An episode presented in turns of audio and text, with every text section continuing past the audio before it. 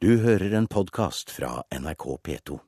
Velkommen til Kulturnytt denne ettermiddagen. Jeg heter Hege Holm, og aller først skal det handle om TV- og kabel-TV-selskap. For TV-kabel-TV-selskapet Kanal Digital og TV 2 sitter akkurat nå i harde forhandlinger, og håper å komme fram til en ny avtale som sikrer tilgang til nisjekanalene fra TV 2. Og dersom de ikke blir enige innen midnatt, mister en halv million husstander TV 2, nyhetskanalen, TV 2 Filmkanalen og TV 2 Bliss.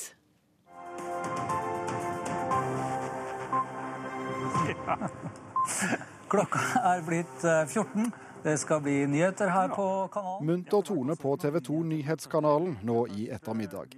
Men munterhet er nok ikke det som preger stemningen i forhandlingsrommet nå. TV 2 og Kanal Digital har siden i sommer vært i en bitter strid om hva det skal koste å formidle kanalene fra TV 2. Kranglingen toppet seg da Kanal Digital lot nyhetskanalen, Filmkanalen og Bliss bli en valgfri del for grunnpakkekundene i kabelnettet. Dermed sa TV 2 opp avtalen med distributøren med virkning fra i natt. Partene sitter i forhandlingsrommet, og der har de sittet eh, mye de siste dagene og ukene. Det sier strategi- og produktdirektør Håkon Lie Dragland i Kanal Digital kabel-TV. Men han tør ikke spå om det blir en løsning i løpet av kvelden. Det jeg kan si er at det har vært en viss bevegelse fra, fra begge parters uh, side. Og eh, vi håper jo på å, å komme frem til en løsning. Hvordan vil du beskrive forhandlingsklimaet? Ja, altså Klimaet i forhandlingsrommet har hele tiden vært uh, profesjonelt, og det er det fremdeles. Men det er vanskelige forhandlinger. Begge parter har, uh, har, viktige kommersielle interesser å ivareta. og begge gjør, gjør den jobben så godt de kan.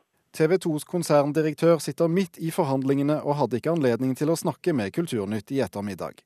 Men situasjonen kommenteres på sett og vis flere ganger i timen på TV 2. Se hva som skjer. men det er vel penger, penger, penger og penger det handler om, Knut Kristian Hauger, redaktør i Kampanje?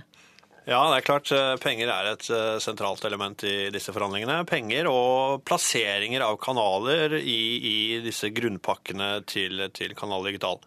Så det står om mye, og det er ikke gitt at vi får noen løsning. Eh, nå kan det jo virke som tonen i hvert fall har blitt noe mer dempet mellom partene.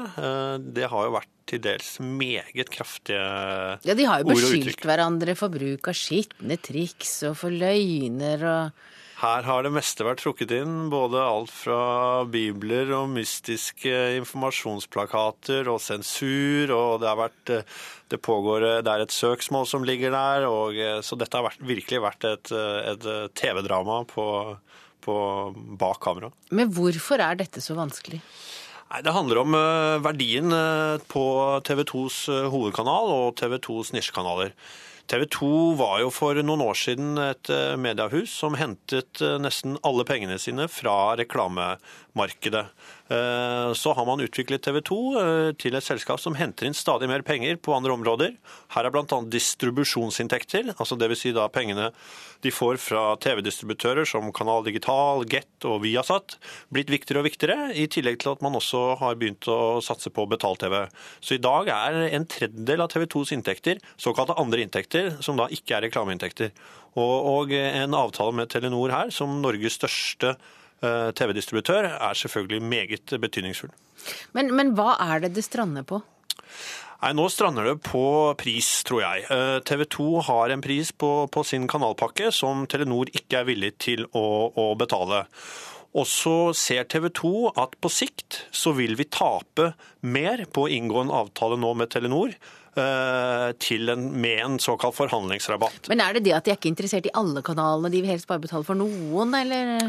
Jeg tror For TV 2 er det viktig å lage en uh, forent avtale for alle kanaler. Ja, De vil ha en forent, men er det Kanal Digital som da ikke ønsker å betale like mye for hele pakka? Ja, Telenor eh, har jo opplevd også at prisen på TV 2s hovedkanal har blitt skrudd kraftig i været eh, etter avtaler mellom TV 2 og, staten, og også en dom i noe vi kaller Kabeltvistnemnda, der man satte en såkalt markedspris på TV 2 som Kanal Digital tidligere ikke har betalt. Så det er jo totalpakken her som, Kanal Digital nå har litt problemer med å svelge. Men hvor viktig er det for partene at de blir enige nå? Det er klart, eh, På kort sikt så betyr det jo for TV 2, hvis de ikke blir enige, at de mister en del reklameinntekter. Og det skjer jo nå på en tid hvor hvor ja, for de det får færre seere, for det er færre som kan se det. færre seere på bl.a. denne nisjekanalen TV2 Sebra, som har eh, en 3-4% oppslutning i markedet. Og nå sitter jo på denne tiden av året sitter jo TV 2 og forhandler med de store annonsørene. Nå skal de lage årsavtaler for neste år med Dressmann, Orkla og, og Statoil. Og det er klart, når de da ser at det blir færre seere og, eh, som kan se deres reklame, så er ikke de villige til betale like mye penger. Så det er klart, på kort sikt betyr jo dette mindre reklameinntekter i TV 2.